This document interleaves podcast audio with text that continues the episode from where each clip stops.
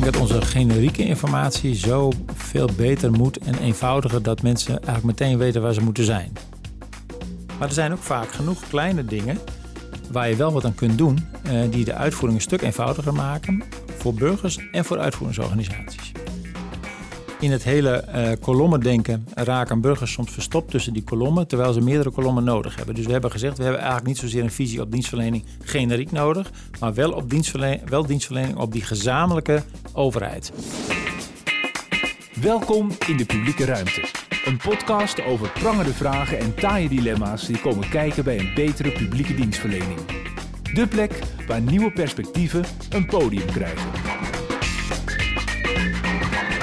Ja, welkom, welkom in de publieke ruimte. Een podcast waarin we in het kader van het traject Werk aan Uitvoering prangende dilemma's bespreken die komen kijken bij een betere dienstverlening.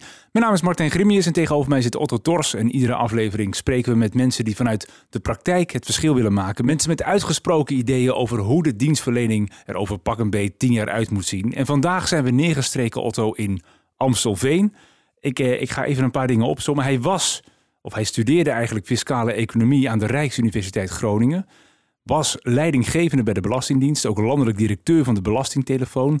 Algemeen directeur van het Centraal Justitieel Incassobureau. Die dingen die jij liever niet op je mat uh, ziet, uh, Otto. Zeker niet. Uh, en nu sinds 1 april 2018 alweer voorzitter van de Raad van Bestuur van de Sociale Verzekeringsbank, de SVB. Simon Sitma, welkom in de publieke ruimte. Dankjewel. En, en dank dat we hier mogen zijn. In, dit is jouw werkkamer. Ja, dit is mijn uh, werkkamer. Uh, al is het natuurlijk wel zo dat dit kantoor zo ingericht is dat we eigenlijk op alle plekken ons werk kunnen doen. Inmiddels ook thuis en vanuit thuis. Maar dit is als ik op kantoor ben uh, mijn werkkamer. Ja, kijk, ik vind hem vrij sober nog ingericht. Maar past dat bij een, een, een, een voorzitter van een raad van bestuur van de SVB dat het toch allemaal wat sober is? Ik vind dit, dit type huisvesting wel passen bij de SVB. elke overheid hoort uh, verantwoordelijk te kunnen afleggen over het uh, belastinggeld wat ze investeert.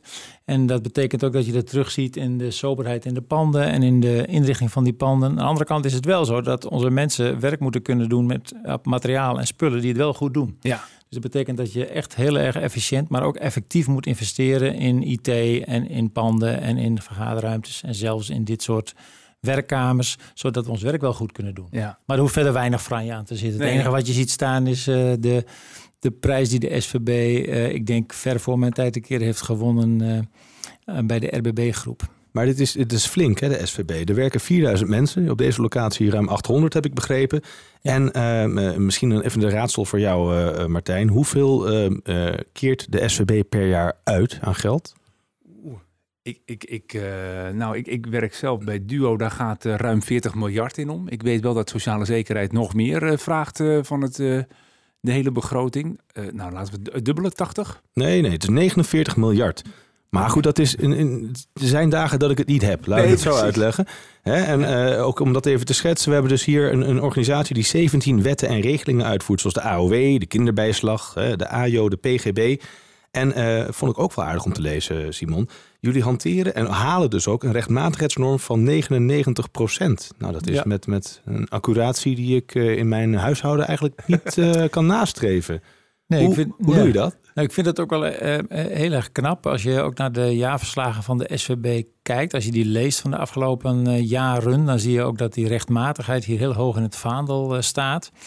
En waarom is die rechtmatigheid belangrijk? Nou, ik denk dat dat ook wel gekoppeld is aan het feit dat wij eigenlijk een bank zijn, hè, een overheidsbank. En wij beheren dus heel veel belastinggeld. En we keren heel veel belastinggeld uit. En het is geld waar de burgers die het ontvangen ook nog vaak afhankelijk van zijn in hun bestaan. Dus het is ook heel belangrijk dat dat goed en voorspelbaar en op het juiste moment uh, gebeurt.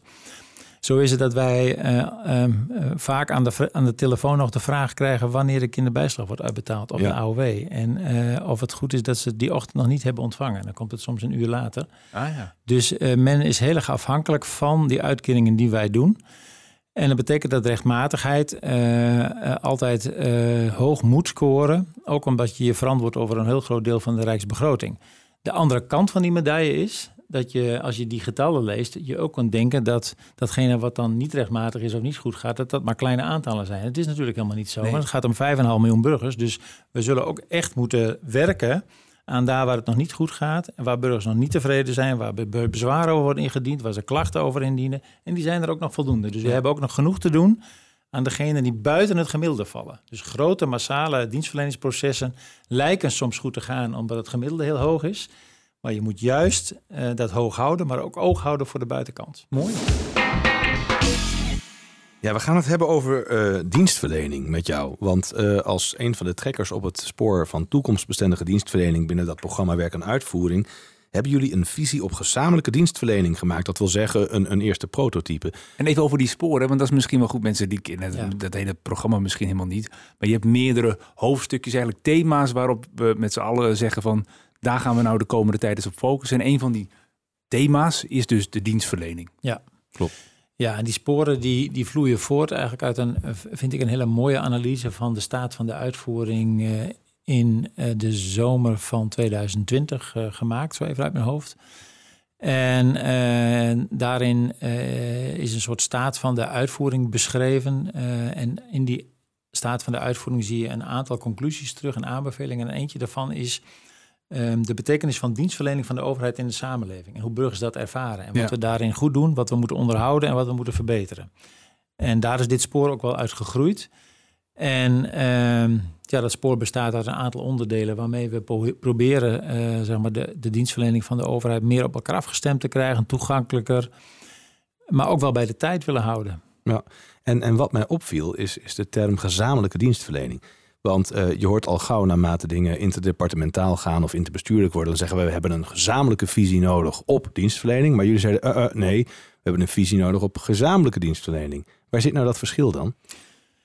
Um, nou, ik vind dat je altijd eerst moet uitleggen waarom je een visie nodig hebt. Want een visie is soms ook wel een camouflage om heel erg lang niks te doen. Dus het is ook altijd de kunst om het zodanig neer te leggen dat het ook richting gaat geven en gaat inspireren. Dus um, maar eerst even naar jouw vraag terug. Als je kijkt naar uh, die gezamenlijke dienstverlening um, in het, in het WOW-rapport, maar ook de lessen die geleerd zijn uit uh, daar waar dienstverlening niet adequaat genoeg was of niet goed ging richting burgers, was dat uh, daar waar burgers meerdere overheidspartijen nodig hebben, het vaak niet goed gaat. Of van kastje naar de muur, of uh, iets oplossen bij de ene overheidsorganisatie, maar vervolgens drie maanden later de toeslag moeten terugbetalen. Of de eigen bijdrage van het CRK, die ineens veel hoger is, of AOW terugbetalen.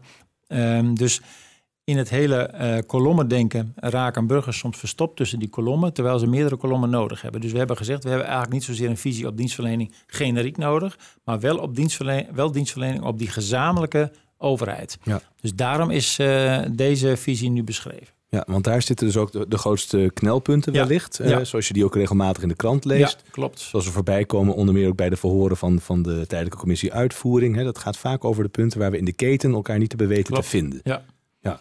En uh, in deze podcast willen we toch eens met jou voorzichtig kijken naar, naar wat voor een principes daarin zitten. En je zegt al, een visie is mooi, papier is geduldig. Hè, maar ik geloof ook wel, uh, als ik jou goed begrijp, dat je zegt, nou ja, het is natuurlijk ook iets waarmee we aan de slag moeten gaan de komende periode.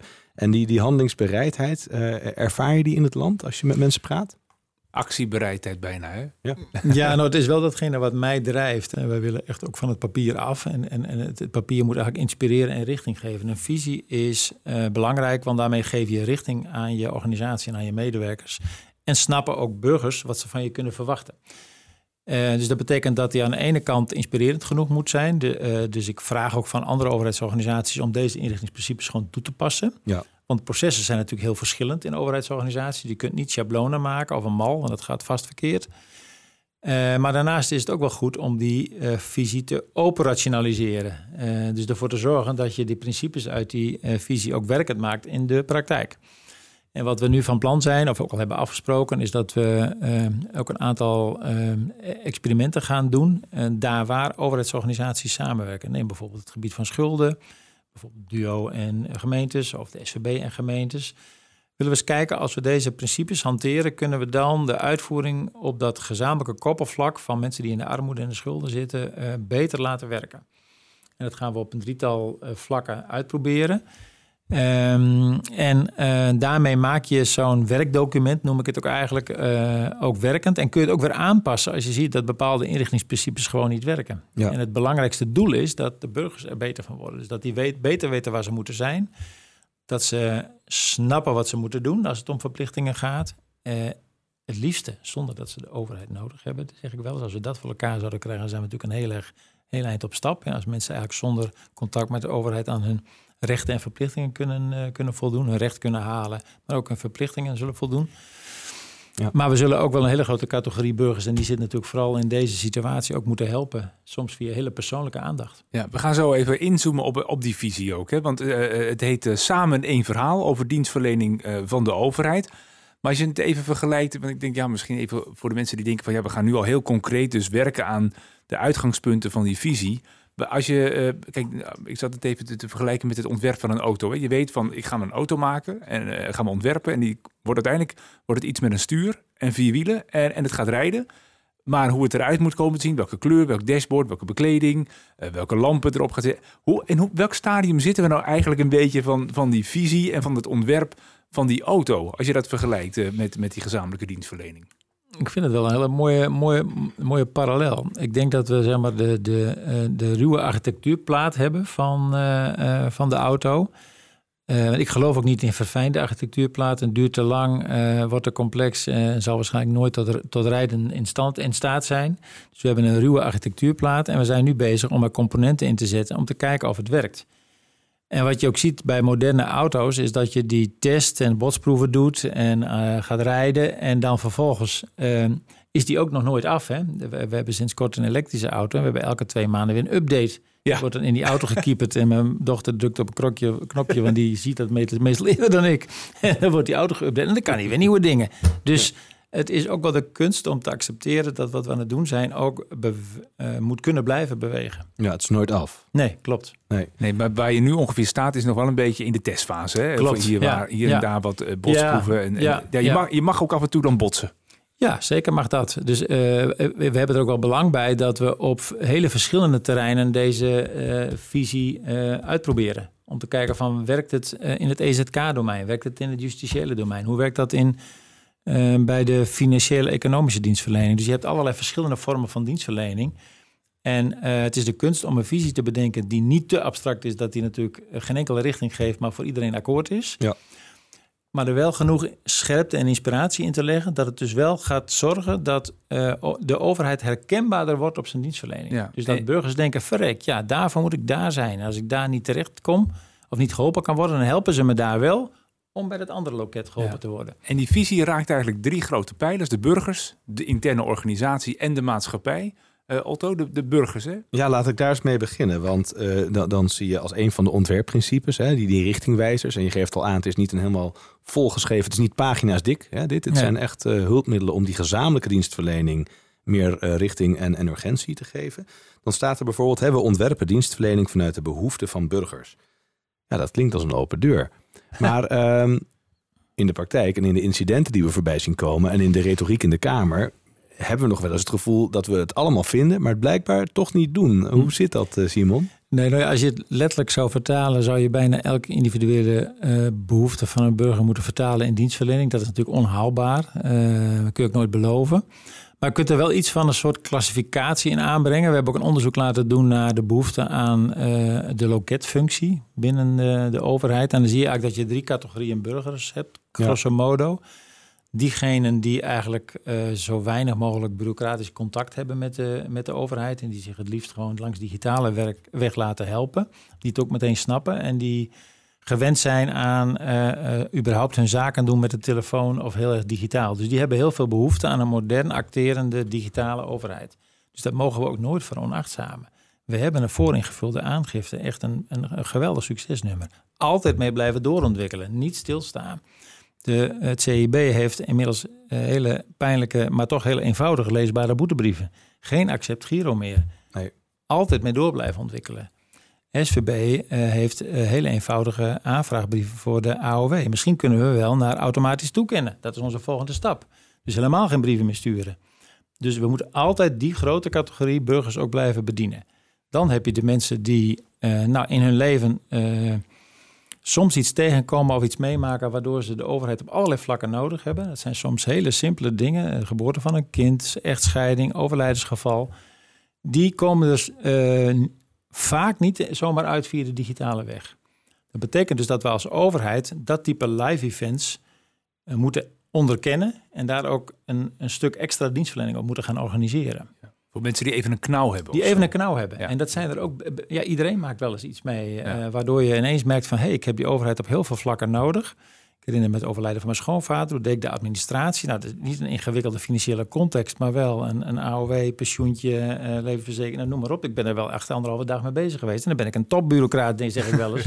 ja.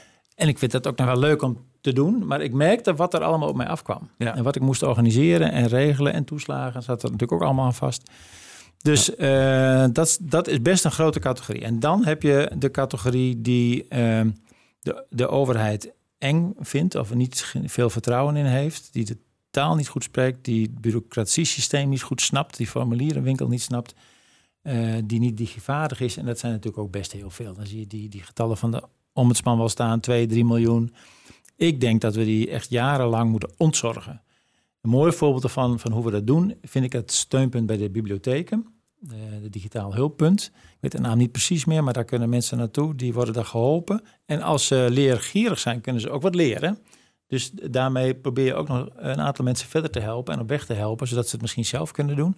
Maar ik geloof er echt in dat als wij met dit uitvoeringsstelsel en, dit democratisch systeem wat we hebben in Nederland uh, nog jaren door zullen gaan, dan ben ik ook van overtuigd dat zo is, dat we ook als overheid de plicht hebben om een hele grote categorie burgers te, te helpen, te ontzorgen. Ja, ja want uh, uh, wel mooi dat je ook die, die uh, groepen zo, zo en benoemt. zo kun je rekening houden met de individuele behoeften. Exact, want het begint met, met behoeften bij mensen. En niet iedereen is natuurlijk opzettelijk verdwaald, hè, naarmate die opeens afhankelijk raakt van die overheid. Dus jullie zeggen ook, hey, je moet er altijd voor zorgen dat die burgers, dat het voor hen duidelijk is waar ze moeten zijn. En daar hoor je nog wel ook wel vaak de repliek van, ja, we hebben het binnen onze eigen kolom uitstekend geregeld. Hè? is een duidelijke sturingslijn vanuit een departement naar een uitvoerder. En die hebben binnen de gemaakte afspraken keurig alles geregeld. Maar ondertussen zijn er heel veel mensen die zitten huidend thuis. Um, dat willen we niet meer. Dus dan krijg je die visie op gezamenlijke dienstverlening. Die zegt, ho ho, onze verantwoordelijkheid reikt verder dan de deur. We hebben dat ook besproken met Maarten Schuring in de eerste aflevering van de publieke ruimte. En die zei, ja, dat moet, natuurlijk moet dat. En, uh, maar toen zei ik heel, uh, ja, naïef misschien, maar hoe dan? Want uh, mijn collega bij Duo die aan de telefoon zit... en die krijgt een vraag over iets wat niet gelijk in de scope van, van studiefinanciering bijvoorbeeld valt... die weet niet meteen waar hij naar door moet verwijzen. Dus hoe zorg je nou voor dat, dat die collega ook weet... dat hij naar ja, het CBR moet doorverwijzen... of naar de RDW of naar de SVB? Um, ik denk dat we daar een aantal dingen aan moeten doen. Um, ik denk dat onze generieke informatie zo veel beter moet en eenvoudiger dat mensen eigenlijk meteen weten waar ze moeten zijn. Dus presenteren wij ons als SVB op onze website, in onze brieven toegankelijk en eenvoudig genoeg. Daar begint het eigenlijk al mee. Uh, want daarmee vang je al heel veel uh, noodloze telefoontjes en bezoeken af van mensen die eigenlijk bij een ander loket moeten zijn. Um, zijn we goed in staat om onze complexe ketenprocessen zo eenvoudig uit te leggen naar burgers dat ze weten bij wie ze moeten zijn als ze een vraag hebben over de eigen bijdrage zorg? Uh, of over de verzekering van hun uh, motorfiets, terwijl ze een boete van het CIB hebben gekregen. Maar die komt omdat ze hun verzekering niet hebben afgesloten. Nou, um, dus de belangrijkste uh, opgave in massale zin is zorgen ervoor dat je je op een eenvoudige en toegankelijke manier presenteert, zodat de meeste mensen hun weg goed weten te vinden. Nou, dan is de, de kunst om degene die dan bij het verkeerde adres zijn, om daarvoor te zorgen dat je die verder verwijst. Hebben dan uh, medewerkers van de SVB heel veel kennis nodig van uh, belastingzaken uh, of justitiële zaken of studiefinanciering?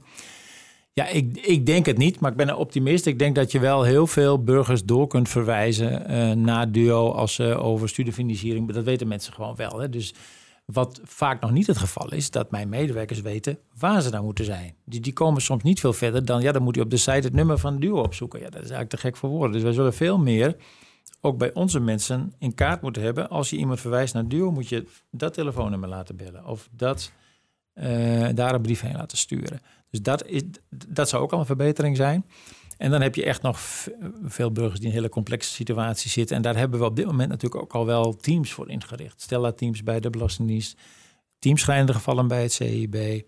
Hier ook, dus uh, elke organisatie heeft ook wel daar, en het is ook nog een landelijk overkoepelend koepelend team om hele complexe problematiek op te pakken. en eigenlijk zou iedereen die namens de overheid aan de telefoon uh, zit, uh, de sensitiviteit moeten hebben van ja, dit is een burger die echt in grote problemen zit. Die help ik niet door te zeggen, daar moet u toeslagen voor bellen. 0800 0543, ja. keuze 1. Ja. Weet ik nog wel Ja, dat wil ik zeggen, dat weet hij nog. Um, dus um, en, en, en dat palet zou ik eigenlijk willen aanbieden in het termen van die loketfunctie. Ja. Dus die oplossing is, is veelzijdig. Hè? Je zegt ja. uh, heldere communicatie, je zegt warm doorverwijzen. En de mensen die het echt nodig hebt, daar moet je gewoon iets extra's voor kunnen doen. Maar doe dat gericht op de groep die daarvoor in aanmerking komt. En zet het niet in de volle breedte in. Want daarvoor hebben we nou weer die, die mooie massaprocessen ingeregeld die het eigenlijk best goed doen. Ja. ja. Het kan wel, één loket.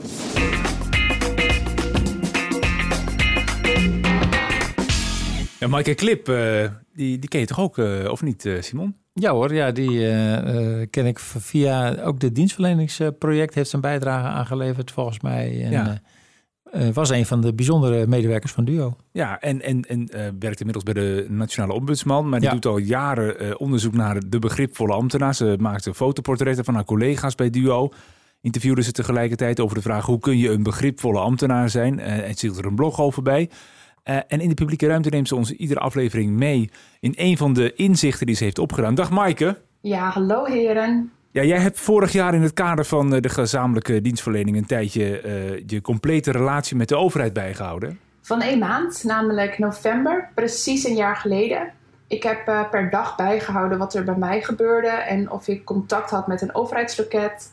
Of dat via een brief was, of dat ik had gebeld, of dat het automatisch ging. Bijvoorbeeld als er gewoon geld werd afgeschreven via automatische incasso. Ja, dat is uh, jouw kant van het verhaal, maar, maar je hebt ook in kaart gebracht hoe de kant van de overheid was. Ja, en dat was soms ook echt best moeilijk om erachter te komen. Ik heb echt heel veel gegoogeld en een beetje rondgevraagd hoe ziet die black box van de overheid er nou uit. Uh, soms was dat bijvoorbeeld een computersysteem, soms een, een afdeling, uh, gewoon uh, ambtenaren. En ik heb ook uitgezocht welke afdelingen dan en welke organisaties zitten erachter en welke ministeries zijn dan verantwoordelijk daarvoor. En uiteindelijk ook welke wetgeving ligt dan allemaal ten grondslag daaraan wat er bij mij gebeurde. Dus allemaal van die dagelijkse gebeurtenissen en contacten tussen mij en de overheid in één maand. En um, ja, al die gebeurtenissen, lokettenafdelingen, organisaties, wetten heb ik gevisualiseerd. Ja, dat werd natuurlijk één grote spaghetti. Um, maar ik vond het wel heel leerzaam. Want als organisaties denken we vaak dat we met één ding bezig zijn. Uh, de wet op de studiefinanciering bijvoorbeeld. Dat moeten we uitvoeren. En vaak lukt het ons ook nog wel om in ketens te denken. Dus bijvoorbeeld studenten met STUFI hebben ook te maken met hun OV-reizen en moeten dus ook bij die loketten bezig zijn. Uh, of bij hun school bezig zijn met uh, bepaalde zaken. Maar in mijn maand, uh, ik had bijvoorbeeld ook contact met een gemeente over een lekkage in het riool bij mij voor de straat. en ik was die twee, drie weken ook in quarantaine voor de corona, nou, de GGD. En in die maand was ik ook bezig met een aanvraag voor een inspectie bij het instituut Mijnbouwschade voor uh, mijn eigen huis. Uh, wat dus niet kon omdat ik in quarantaine moest. En die drie dingen hebben natuurlijk helemaal niets met elkaar te maken. Behalve dan dat ik er tegelijk mee te maken kreeg. En het is allemaal de overheid. En dan denk je, oké, dat valt me gewoon mee. is één maandje. Die quarantaine was ook weer zo voorbij. Klopt. En ik heb hetzelfde soort oefening dus ook een paar maanden later gedaan met uh, Jeanette Ramsar. Zij is een van de slachtoffers van de toeslagenaffaire. Toevallig is net uh, de documentaire Alleen tegen de Staat. Daar vertelt zij ook uh, over haar verhaal. En met haar heb ik niet één maand, maar tien jaar in kaart gebracht. En het begon natuurlijk dat gedoe met die toeslagen en die eerste brieven dat ze dat moest terugbetalen. Maar al na een jaar was ze van de ene gebeurtenis in de andere gerold met andere overheidsloketten. En in haar tijdlijn van 10 jaar kun je ook gewoon zo goed zien dat systemen onder water aan elkaar gekoppeld zijn. Die wisselen data over haar uit. En vervolgens krijgt ze dan problemen bij één organisatie. En die problemen leiden weer tot problemen bij andere organisaties die misschien niets met de Belastingdienst te maken hadden. Het is echt een horror-tijdlijn die we samen hadden gemaakt van, van haar verhaal. Dus als je praat over een visie op gezamenlijke dienstverlening, dan denk ik eigenlijk dat het gaat over die ene relatie. De overheid en de burger. En dat de burger zichzelf verdeeld heeft in een soort honderdduizendkoppig monster. Ja, de burger is gewoon één persoon. En een visie op gezamenlijke dienstverlening gaat volgens mij dus over verantwoordelijkheid nemen voor die relatie. Ook al ben je een andere organisatie of zit je niet in dezelfde keten of ga je er niet over. Je bent de overheid en voor je staat één burger, één persoon. En dan moet ik denken aan uh, Julia Roberts, die in Notting Hill een beetje aan het einde van de film tegen Hugh Grant zegt: uh, I'm just a girl standing in front of a boy, asking him to love her. Zo simpel moet het toch zijn? Ja, we zijn hier nog steeds te gast in Amstelveen bij Simon Sipma van de SVB. En uh, Simon heeft als trekker van het spoor toekomstbestendige dienstverlening een aantal ontwerpprincipes neergelegd en, en, aangeboden aan collega's in het land van goh, laten we langs deze lijn kijken of vanuit deze richting wijzers de dienstverlening waar die vooral gezamenlijk is, waar meerdere overheden elkaar tegenkomen, in te richten. En dat doet ook een appel op hoe je organisatie in elkaar steekt. Dus, hè, dus eigenlijk onder de motorkap van die organisaties hebben jullie ook wel wat opmerkingen. Want jullie hebben het bijvoorbeeld over het feit dat je moet werken volgens gezamenlijk opgestelde principes en definities. Er zijn nu natuurlijk nog wel schuttersputjes. Hè, waarin de een tegen de ander zegt: nee, maar wij noemen dat zo. Of nee, wij hebben dat zo geregeld. Um, dan gaat iedereen zijn eigen gelijk nog een keer bepleiten misschien. En jullie geven heel duidelijk aan van nee, we zouden echt veel meer vanuit die gezamenlijke principes moeten gaan redeneren. En ons eigen gelijk een beetje durven loslaten. Ja, dat klinkt makkelijk, maar je zal maar twintig jaar dit de hele tijd geroepen hebben. En nu moet je het opeens uh, loslaten. Is, is, dat, uh, ja, is dat wel haalbaar? Sterker nog, het zit ook allemaal in de bits en bytes van onze systemen verwerkt. Ja. Dus dit, dit heeft ook echt lange adem nodig. De harmonisatie van bijvoorbeeld inkomensbegrippen. Uh, mensen vragen mij ook wel eens waarom hebben we hier niet gewoon één e-mailadres in Nederland waar, iedereen met de overheidszaken kan doen. Ja, dat is omdat wij al 80 jaar een overheidsontwikkeling door hebben gemaakt en niet opnieuw zijn begonnen, zoals in Letland, Estland en Litouwen. Dus dat is wel te verklaarbaar. Betekent niet dat we dat doel niet zouden moeten nastreven. Um, dus het, het eh, krijgen van uniformiteit en eenduidigheid in, in begrippenkader. Uh, waar gebruik je naam, adres, woonplaats voor? En uh, gebruikt elke overheidsorganisatie dat op dezelfde manier? Hoeveel bedrijfsadressen kun je hebben? Hoeveel bankgironummers kun je gebruiken? Uh, ik heb, zeg dan altijd maar 1, 1, 1, 1, 1. Vind ik altijd het simpelste. Maar de wereld zit natuurlijk veel complexer in elkaar. En die harmonisatie van begrippen en het verschil tussen de AWER, de toeslagenregelgeving, en de regelgeving die de SVB gebruikt, de kinderbijslagwet, is qua begrippenkader al aanwezig. En dat zorgt ook voor damage in de uitvoering. Ja. Zeker mensen die tussen beide inkomen te zitten. Ja, maar nu, nu klinkt het wel weer echt als werk, hè, wat je aan het, aan het zeggen bent. We hadden het zo net nog even over de burger. Dat was lekker. Dat ging over, over intenties en de juiste dingen doen en de bedoeling centraal. En nu hebben we het opeens over de organisatie. En nu wordt het toch wel heel erg ploeteren als ik jou zo beluister. Hoe, hoe houden we daar dan de energie in als het zo'n zoektocht wordt naar uh, gedeelde principes en, en elkaar uitleggen over wat je nou precies bedoelt? Nou, joh, hoe hou je daar de energie erin en daarmee misschien ook wel een beetje de moed? Uh, betekent ook dat je successen moet realiseren. En successen komen niet als je uh, als ideaalbeeld nastreeft dat alle inkomensbegrippen geharmoniseerd moeten zijn binnen vijf jaar. Want dat gaat dus gewoon helemaal niet lukken. Nee, want dan gaan we taart eten als dat gelukt is. Daarom, maar er is uiteindelijk geen burger mee geholpen. Nee, dat weet ik wel zeker. En dan is de wereld ook alweer zo veranderd dat dat waarschijnlijk ook alweer achterhaald is. Dus ik geloof ook heel sterk in um, kleine stappen vooruit zetten. Dus wil je een vereenvoudigingsagenda uitrollen, bijvoorbeeld, of je vereenvoudiging van wet en regelgeving, waar ik ook een groot voorstander van ben, dan moet je niet naar de hele grote dingen kijken. Uh, uh, maar moet je wel ze adresseren, want dat betekent dat het nog tijd nodig heeft en dat politici moeten nadenken en verwerken en uh, het ergens een plek moeten kunnen geven in hun politieke plannen. Maar er zijn ook vaak genoeg kleine dingen waar je wel wat aan kunt doen, die de uitvoering een stuk eenvoudiger maken voor burgers en voor uitvoeringsorganisaties. En dat geeft ook weer moed en energie als je dat in je organisatie kunt vertalen en ook uh, met medewerkers kunt, uh, kunt ontwerpen. En uh, dat proberen we bij de SVB ook heel sterk te doen. Want um, ja, een van de lessen uit die toeslagenaffaire is natuurlijk ook dat we signalen uit de uitvoering van burgers die in de knel zitten veel sneller naar boven moeten brengen. Tot op politiek niveau als dat echt nodig is, als het om wet en regelgeving gaat. Maar ook op het niveau van het ministerie, als het gaat om uh, uh, beleid dat we nodig hebben, of op ons eigen beleidskaderniveau. Want soms hebben we ook heel veel eigen regels bedacht jaren geleden die we makkelijk kunnen aanpassen. En ik vind dat we daar als SVB sterk in zijn, maar ook sterk in moeten blijven. Dus dat moeten we ook echt onderhouden. En, en dat, geldt dat bijvoorbeeld dus ook voor zo'n knelpuntenbrief? Dat je, dat je dat adresseert aan, aan, aan, ja. Aan, aan, het ministerie? Uh, is het daar onderdeel van? Dat je daardoor ook die energie erin houdt, van dat je de ruimte krijgt om dat soort ding, dingen uh, te adresseren? Ja, het mooie van die, die kans die we nu hebben gekregen om een staat van de stand van de uitvoering te sturen, een knelpuntenbrief en een, een, een, fraudebrief, een handhavingsbrief. Ja, is eigenlijk een opsomming van een minister. kijk eens even, hier zijn we allemaal mee bezig. Ja, dit gebeurt er in de praktijk. En hier loop ik tegenaan. Dit gebeurt er in de praktijk. En, en dit leest u niet allemaal in ons jaarverslag. Of het staat er wel in, maar het is zo dik dat niemand erover valt. Uh, en die knelpuntenbrief is voor de SVB, dus ik zou iedereen aanraden om die eens te lezen. Die is ook publiek beschikbaar. Die is ook op een hele toegankelijke manier geschreven. Met filmpjes, interviews, radiofragmenten, plaatjes. En het zijn knelpunten die uit de werkpraktijk van onze medewerkers komen. En uh, die hebben we gepresenteerd aan de Kamercommissie, ook voor Sociale Zaken. En men vond hem heel toegankelijk. En men herkende er ook problematiek in terug die men ook zelf in de Kamer uh, ontmoet had. Dus het is een mooie bodem waarop we eigenlijk verder kunnen met een vereenvoudigingsagenda.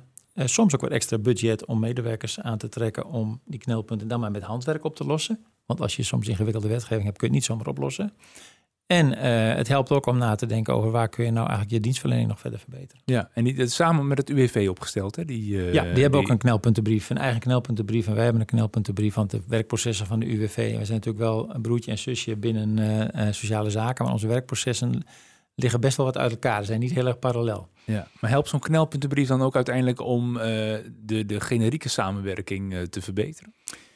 Ja, want ik merk wel heel sterk dat we in het eh, contact met uh, het ministerie, onze opdrachtgevers, uh, de, de, Tweede Kamer, we hebben met dezelfde Kamercommissie te maken, dat we dat ook allemaal samen doen. Ja. want we hebben natuurlijk het gezamenlijke belang om, of op het gebied van werkgelegenheid, of op het gebied van uitkeringen, ja, de, de dienstverlening aan de burgers te doen. Ja. Dus je conditioneert eigenlijk ook zo'n Kamercommissie met zo'n knelpuntenbrief. Dat ze zeggen bij de volgende uitvoerder: hé hey jongens, wat de SVB net heeft gedaan, kun je ook zo'n soort brief naar ons sturen? Want dat was wel verhelderend. Uh, de trendzettende rol van de SVB zie ik een beetje hierin.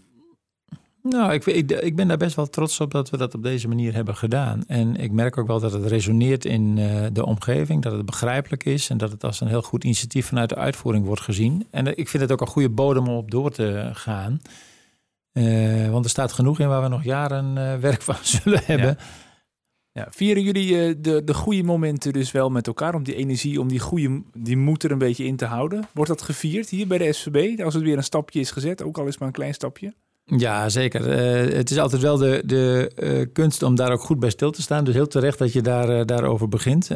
toen we die prijs, overheidsorganisatie van het jaar, wonnen, hebben we daar echt ook veel aandacht aan besteed. Het, eh, de momenten daarna, maar ook nu nog steeds gebruiken we dat ook om ja, je bedrijfstrots mee te voeden.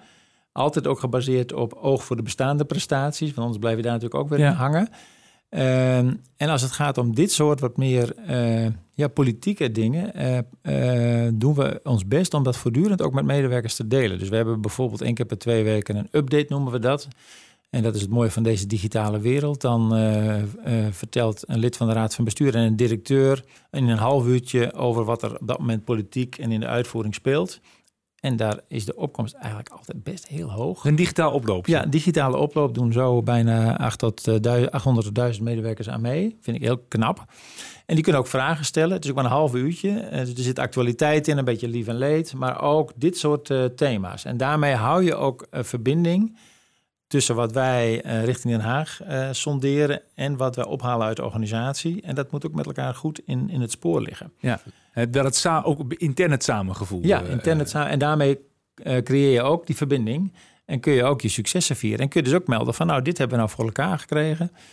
Um, en dat motiveert medewerkers ook weer om, uh, als ze weer iets ontdekken, het of zelf op te lossen, conform de bedoeling, of het naar boven te brengen. En uh, dan gaan wij er ook wat mee doen. En als we er niet iets mee doen, dan leggen we uit dat we het al gedaan hebben, of dat, nou ja, noem maar op. Dan ja. doen we, we, doen er altijd iets mee. Nou ja, hier, hier, in de publieke ruimte vieren we ook uh, elke week een feestje. Ja, we gaan het hebben over een wauwmoment en dat is deze aflevering Mijn Den Haag. En we spreken zo meteen met Vincent van Beek van de gemeente Den Haag. Mijn Den Haag, voor de mensen die het niet weten, is een persoonlijke omgeving, een online omgeving waar je zaken kunt regelen bij de gemeente. Je kan er bijvoorbeeld extra parkeertegoed kopen uh, of gemeentelijke belastingen betalen. En je kan ook zien wanneer je aanvraag klaar is. Uh, het fijne daarvan is dat je online je zaken zo kan regelen in een veilige omgeving via DigiD. En ondernemers en bedrijven die kunnen dus ook zaken doen veilig op deze manier via e-herkenning. Nou, het, het, past een beetje bij het idee dat je 24 uur per dag altijd de overheid zou kunnen bereiken en zaken kan regelen. En je hoeft niet meer langs te komen, want het gaat online. Ehm, Vincent, toen jullie hiermee begonnen, welk probleem wilden jullie eigenlijk oplossen met Mijn Den Haag? Ja, uh, goedendag. Uh, precies de problemen die je schetst eigenlijk. Uh, telefonie was duur, uh, balies ook. en mensen hadden de behoefte om ook dingen vanuit huis te regelen. En, en kan iedereen dat zomaar, Vincent? Kan iedereen zomaar online in zo'n mijnomgeving ja, zijn zaken doen? Ja, de, als je een DigiD hebt wel, of, en of e-erkenning, want dat zijn wel de beperkingen. En niet iedereen heeft dat. En toen wij begonnen, vijf, zes jaar geleden, was ook DigiD nog bij lange na niet volwassen. Dus zag je ook dat daar nog een uh, enorme gewenning nodig was. Maar inmiddels komen er zo'n 30 à 40.000 unieke bezoekers per maand uh, in de mijnomgeving. En, en was, maar was uh, Vincent het nou bedoeld om het makkelijker te maken voor de burger Mijn Den Haag... of ook vooral om te bezuinigen, om kosten te besparen? Ja, echt beide. de, de, de, we zitten sinds 2016 dat we een visie hebben opgesteld voor goed, gemakkelijk, snelle dienstverlening. Dat met TU Delft gedaan. Uh, om dat soort principes op te stellen. Maar we wilden wel met het bedienen van de inwoners ook meteen onze interne processen efficiënter maken. Dus kan me ook voorstellen. mijn omgeving. Ja. ja?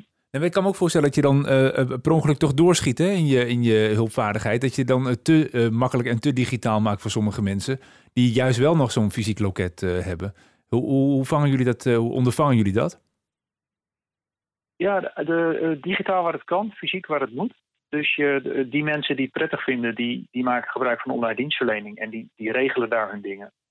En de, de anderen die pakken wel de telefoon of nog naar de balie. Maar je ziet een verschuiving uh, naar het online kanaal optreden eigenlijk op deze manier. Ja, want over, over dat geld gesproken. Hè? Uh, ik weet dat Mijn Den Haag uh, hebben jullie aanvankelijk gebouwd hè, met, met IT-leveranciers. En nu zijn jullie overgestapt op het idee dat dit op open source moet gaan draaien. Dat is een, een, een forse transitie, als ik het me zo kan voorstellen. Ja, maar wel uh, gedreven vanuit. De, het is nu ook een forse investering die we jaarlijks doen. En het, de, de baten die lagen eigenlijk alleen maar binnen de stadsgrenzen van Den Haag. En door nu open source te kiezen, uh, wordt de, komen de baten ook ineens vrij voor andere steden. Dus het kan in Utrecht draaien, het kan in Amsterdam draaien, in Buren. En dat, dat kan overigens ook alleen maar omdat aan de onderkant bij de data een heleboel werk verzet is en dat standaard is. Dus elke gemeente legt op dezelfde manier zijn aanvraag. Op dezelfde manier andere gegevens als contracten, parkeervergunningen. Waardoor je ook een generieke mijnomgeving kan bouwen. Want zonder dat had het niet gekund. Oké, dus, dus eigenlijk met de oplossing die jullie voor Den Haag hebben gemaakt en door te kiezen voor open source, maak je het mogelijk dat in ieder geval uh, een van die lagen die je net beschrijft herbruikbaar worden in andere gemeenten, ongeacht welke systemen daaronder zitten. Hè, want het kan niet allemaal in één keer, hoor ik je ook zeggen. En dat leidt dus ook uh, ja, tot, een, tot een landelijke versnelling van bijvoorbeeld zo'n stuk van online dienstverlening, conform uh, behoeften en wensen van inwoners. Heb ik dat goed begrepen? Ja, exact dat. Dat is het hele doel. Dus we, we passen de vormgeving aan van de mijnomgeving. En dan, uh, dan is die geschikt voor Leeuwarden of Groningen. Simon, hoe beluister jij dit uh, verhaal? Uh, Zo'n zo prachtige mijnomgeving voor een, een, een, voor een gemeente? ik vind het heel knap, want een mijnomgeving ontwerpen en werken krijgen is niet een eenvoudige opgave. Wat ik ook wel tussen de regels door hoor, is dat Den Haag daar ook gewoon rustig de tijd voor neemt.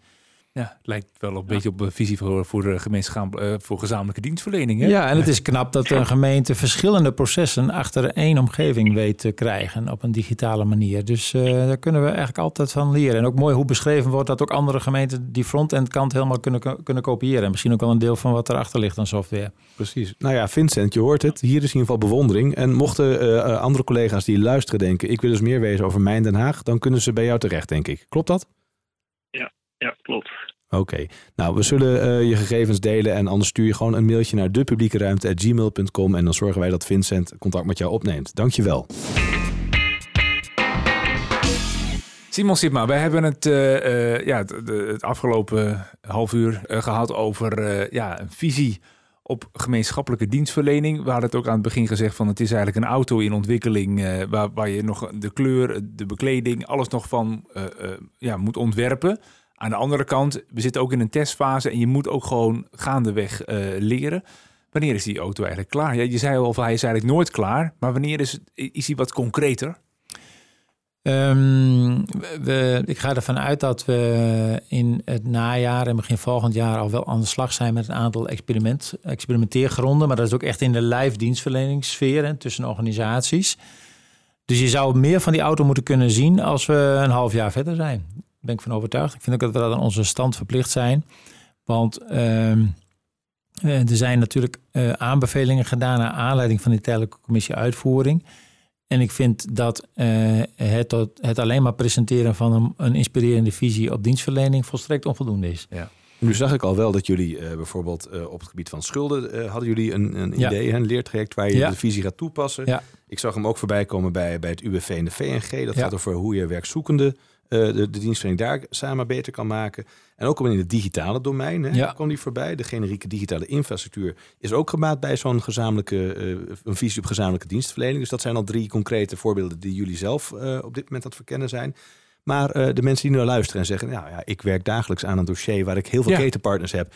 Kunnen wij, mogen wij ook een keertje? Hoe, hoe, hoe moeten we de visie afwachten? Nee, zeker niet. Dus uh, ik zou die ook vooral willen oproepen om uh, een mailtje te sturen met hun idee naar, naar de, de, jullie mailadres of ja. naar dat van mij, wat ook heel simpel is, sipma.svb.nl.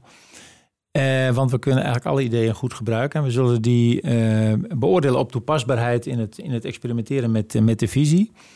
Uh, en hoe meer verschillende uh, uh, invalshoeken, hoe completer zeg maar het, het, de, de, de, de, hoe completer ook de hoe grotere kans is dat we met die visie ook betekenis kunnen gaan toevoegen straks aan de dienstverlening. Maar dat is toch een prachtige uitnodiging. Dus maar, kun je nog één keer het, jou, jouw e-mailadres noemen? Ja, dat, van, dat, van, jullie ben ik vergeten. Dat heb je net de publieke ruimte at gmail.com. Ja, maar rechtstreeks mag natuurlijk ook. svb.nl Ja, dan gaan we een klein wedstrijdje houden. Kijken waar de meeste reacties komen. Maar jouw uitnodiging, Simon, is die nou aan, vooral gericht aan, aan directeuren die het hele veld overzien? Of zeg je nou ja, ook die slimme professional die, die dagelijks hier tegenaan loopt, die mag mij dat bericht sturen? Juist uh, die laatste categorie, de mensen die echt de dienstverlening uh, geven aan burgers en tegen zaken aanlopen en het idee hebben dat uh, we met die visie een bijdrage kunnen leveren aan het oplossen van die problemen of het verbeteren van de dienstverlening, die moeten daar vooral mee komen. Ze krijgen altijd antwoord. Dat is, uh, dat is een, een geruststellende gedachte. Ja, hoor, ja, ja zeker. laagdrempelig. Ik kan niet beloven dat ze er altijd blij van worden, maar ik ga mijn best doen. Simon Sipma, dank je wel dat je te gast was in de publieke ruimte. Graag gedaan. Uh, en uh, als er, heb je nog voor jezelf één stip op de horizon waarvan je zegt, nou, die, die stap zou ik voor mezelf nog wel willen zetten? In, in dit publieke domein of in, in, de, in het nog beter maken van de publieke dienstverlening? Uh, nou, kijk, als ik naar mijn. Ik, ik zei op een gegeven moment van. Nou, uh, als je naar mijn loopbaan kijkt, begin ik steeds beter te beseffen waarom ik dit werk eigenlijk doe. En dit is natuurlijk nooit af. Dus mijn werk is ook nog niet af. Al realiseer ik me ook wel dat ik in de herfst van mijn carrière zit.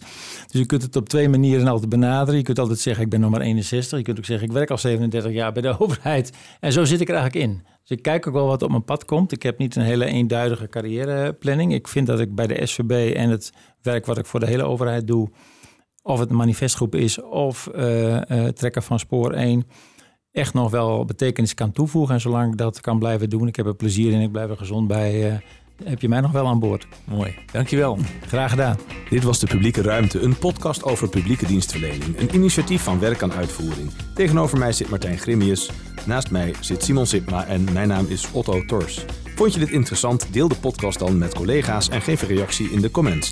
Denk je dat deze podcast toch veel beter kan? Tip dan de redactie met jouw ideeën, dilemma's en bouwmomenten. Ga daarvoor naar onze website dienstverlening op de agenda.nl of mail ons via depubliekeruimte.gmail.com. Abonneer je op ons kanaal, dan krijg je vanzelf de nieuwe aflevering in je favoriete speler aangeboden.